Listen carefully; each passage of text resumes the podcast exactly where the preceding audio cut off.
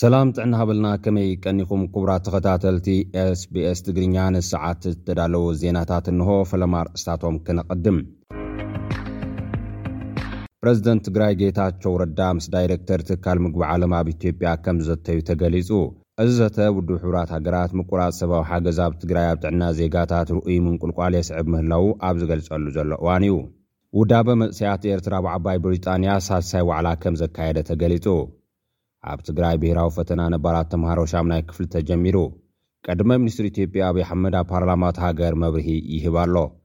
ጉጅለ ልኡኽ ዓለም ለኸ ፌደሬሽን ቀይሕ መስቀልን ቀይሕ ወርሕን ኣብ ትግራይ ዑደት የካይዱ ኣሎ።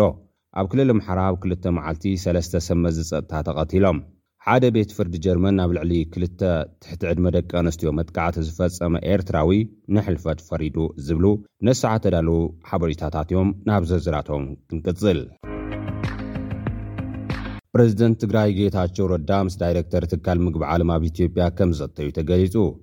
እዚ ዘተ ውድብ ሕቡራት ሃገራት ምቁራጽ ሰብኣዊ ሓገዝ ኣብ ትግራይ ኣብ ጥዕና ዜጋታት ርኡይ ምንቁልቋል የስዕብ ምህላዉ ኣብ ዝገልጸሉ ዘሎ እዋን እዩ ፕረዚደንት ጌታቸው ረዳ ምስ ዳይሬክተር ትካል ምግቢ ዓለም ኣብ ኢትዮጵያ ሚስተር ክሪስ ኒኮይ ኣብ ዘካየዶ ርክብ ትካል ምግቢ ዓለም ጠጠው ኣቢልዎ ዘሎ ዕደላ ህጹጽ ሰብኣዊ ሓገዝ ዳግም ኣብ ዝጅምረሉ ኩነታት ከም ዝተመያየጡ ተገሊጹ ኣሎ።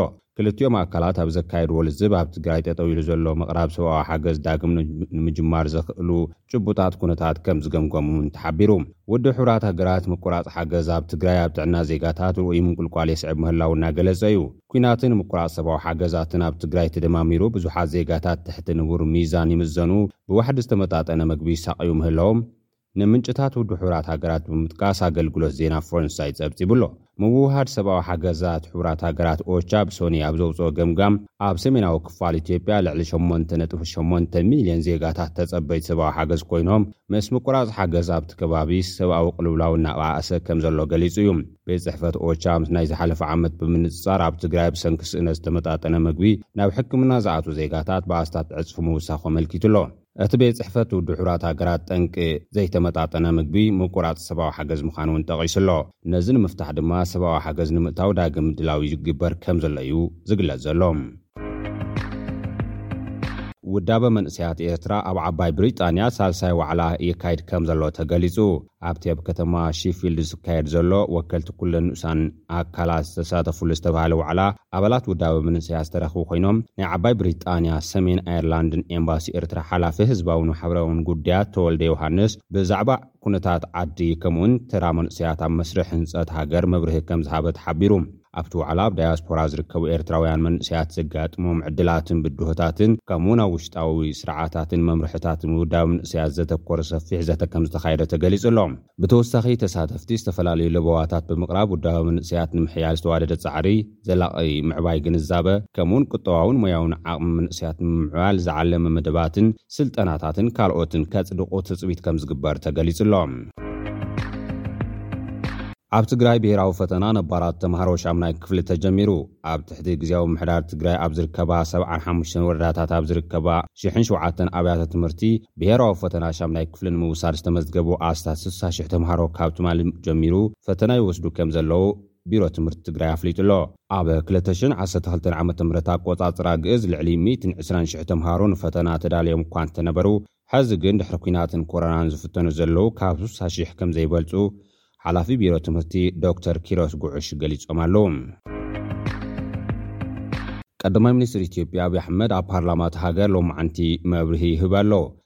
እቲ ቀዳማይ ሚኒስትር ኣብ መበል ዕስራን ሸሞንተን ስሩዕ ኣኸባ ካልኣይ ዓመት ስራሕ ቤት ምኽሪ ሎማዕንቲ ብኣባላት ቤት ምኽሪ ንዝቐርብሉ ሕቶታት መልስን መብርህን ክህብ ጀሚሩ ኣሎ። ጉጅለ ልኡኽ ዓለም ለኸ ፌዴሬሽን ቀይሕ መስቀልን ቀይሕ ወርሕን ኣብ ትግራይ ዑደት የካይድ ኣሎ። ምስ ፕረዚደንት ጌታቸው ረዳ ኣብ ዝነበሮ ዘተ ድማ ኣብ ዳግመ ሕውየት ትግራይ ብፍላይ ድማ ኣብ ሰብኣዊ ሓገዝን ኣፋውስን ሓገዝ ንምሃብ ከም ዝተዘራረቡ ተገሊፁ ኣሎ። ኣብ ዝተቋረፁ ሰብኣዊ ሓገዛት ኣተኲሮም ዘተ ዘካየዱ ኮይኖም ብቐፃሊ ኣብ ሰብኣዊ ሓገዝ፣ ንዋታዊ ሓገዝን ካልኦት ዓይነት ድጋፋትን ኣጠናኺሮም ብምቕፃል ዝዓነወ ይኹን ሓደስቲ መሰረተ ልምዓት ንምህናፅ ምስ ግዝያዊ ምምሕዳር ብሓባር ኮይኖም ክሰርሑ ኣብ ምርድዳእ ከምዝተበፅሐ ትግራይ ቴሌቪዥን ዘውፅኦ ፀብፃብ ኣመልኪቱ ኣሎ። እቲ ጉጅለ ልኡኽ ካብ ዝተፈላለዩ ሃገራት ዝተወከሉ ኣባላት ዝሓቖፈ ኮይኑ ኣብ ከተማ መቐለን ካልኦት ከባብታት ትግራይን ኣብ መዕቖቢ ዝርከቡ ተመዛበልቲ ተዘዋዊሩ ከምዝተዓዘበ እውን ተገሊፁ ኣሎ። ኣብ ክልል ኣምሓራ ኣብ ክልተ መዓልቲ ሰለስተ ሰብ መዚ ጸጥታ ተቐቲሎም። ኣብ ዝሓለፉ ክልተ መዓልታት ኣብ ክልተ ከባብታት ክልል ኣምሓራ ዕጡቓት ብዝፈጸምዎ መጥቃዕቲ ሰለስተ ሰብ መዚ ጸጥታ ከምዝተቐትሉ ተገሊጹ'ሎ። እቲ መጥቃዕቲ ኣብ ዞባ ምብራቕ ጎጃም ወረዳ ደጀንን ኣብ ዞባ ሰሜን ሸዋ ከተማ ሸዋሮቢትን ኣብ ዝነበሩ ሰብ መዚ ጸጥታ'ዩ ተፈጺሙ።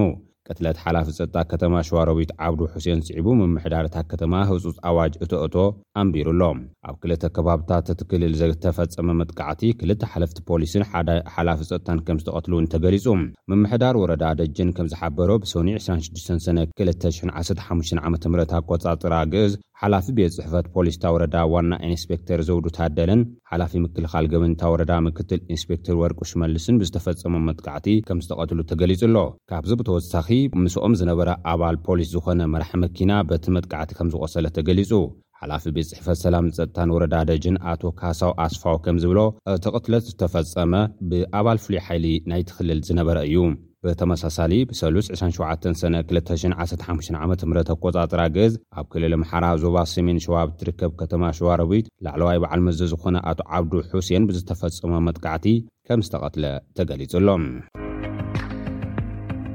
ሓደ ቤት ፍርዲ ጀርመን ኣብ ልዕሊ ክልተ ትሕቲ ዕድመ ደቂ ኣንስትዮ መጥቃዕቲ ዝፈፀመ ኤርትራዊ ንሕልፈት ፈሪዱ። እቲ ወዲ ዕስራን ሸውዓተን ዓመት መንእሰይ ኣብ ልዕሊ እተን ደቂ ኣንስትዮ ብዝፈጸሞ መጥቃዕቲ ሓንቲ ካብኣተን ዝኾነት ጓል ዓሰርተ ኣርባዕተ ዓመት ከምዝሞተት እዩ ተገሊጹ።